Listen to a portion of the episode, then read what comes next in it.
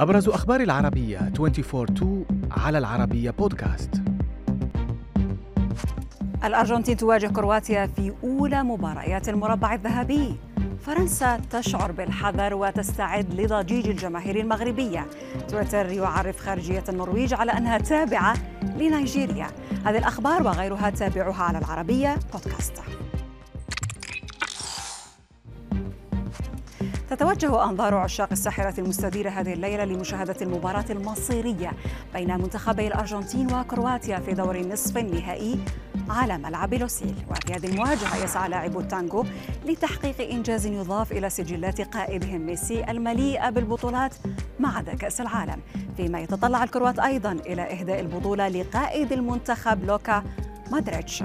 وكانت آخر مواجهة بين المنتخبين انتهت بفوز الكروات بثلاثة أهداف نظيفة وذلك ضمن دور المجموعات في مونديال روسيا 2018 نبقى في أخبار المونديال حيث ستخوض فرنسا مباراة مصيرية ضد المغرب يوم غد الأربعاء بأقصى درجة الاحترام لخصمها. وسط استعدادات حامل اللقب لضجيج مشجعي المنتخب العربي. مدرب منتخب الديوك قال في مؤتمر الصحفيين المنافس يستفيد من الدعم الكبير ونعلم أن الضجيج سيكون عاليا جدا. هذا جزء من الأجواء وعلينا أن نكون مستعدين. هذا فيما عبر قائد المنتخب الفرنسي عن إعجابه واحترامه لما فعله أسود الأطلس في المونديال. قائلا إن الأمر ليس صدفة لقد تصدروا مجموعتهم.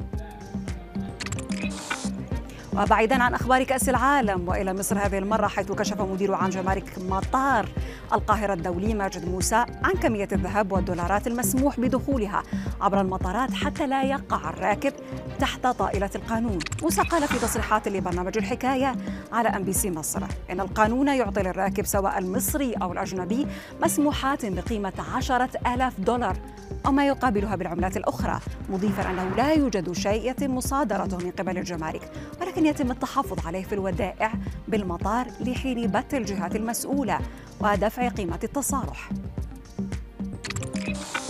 وفي حادثة لاقت ضجة واسعة تقدمت وزارة الخارجية النرويجية بطلب من إدارة الدعم الخاصة بتويتر من خلال حسابها الرسمي بسبب تعريف الوزارة على أنها منظمة حكومية تابعة لنيجيريا.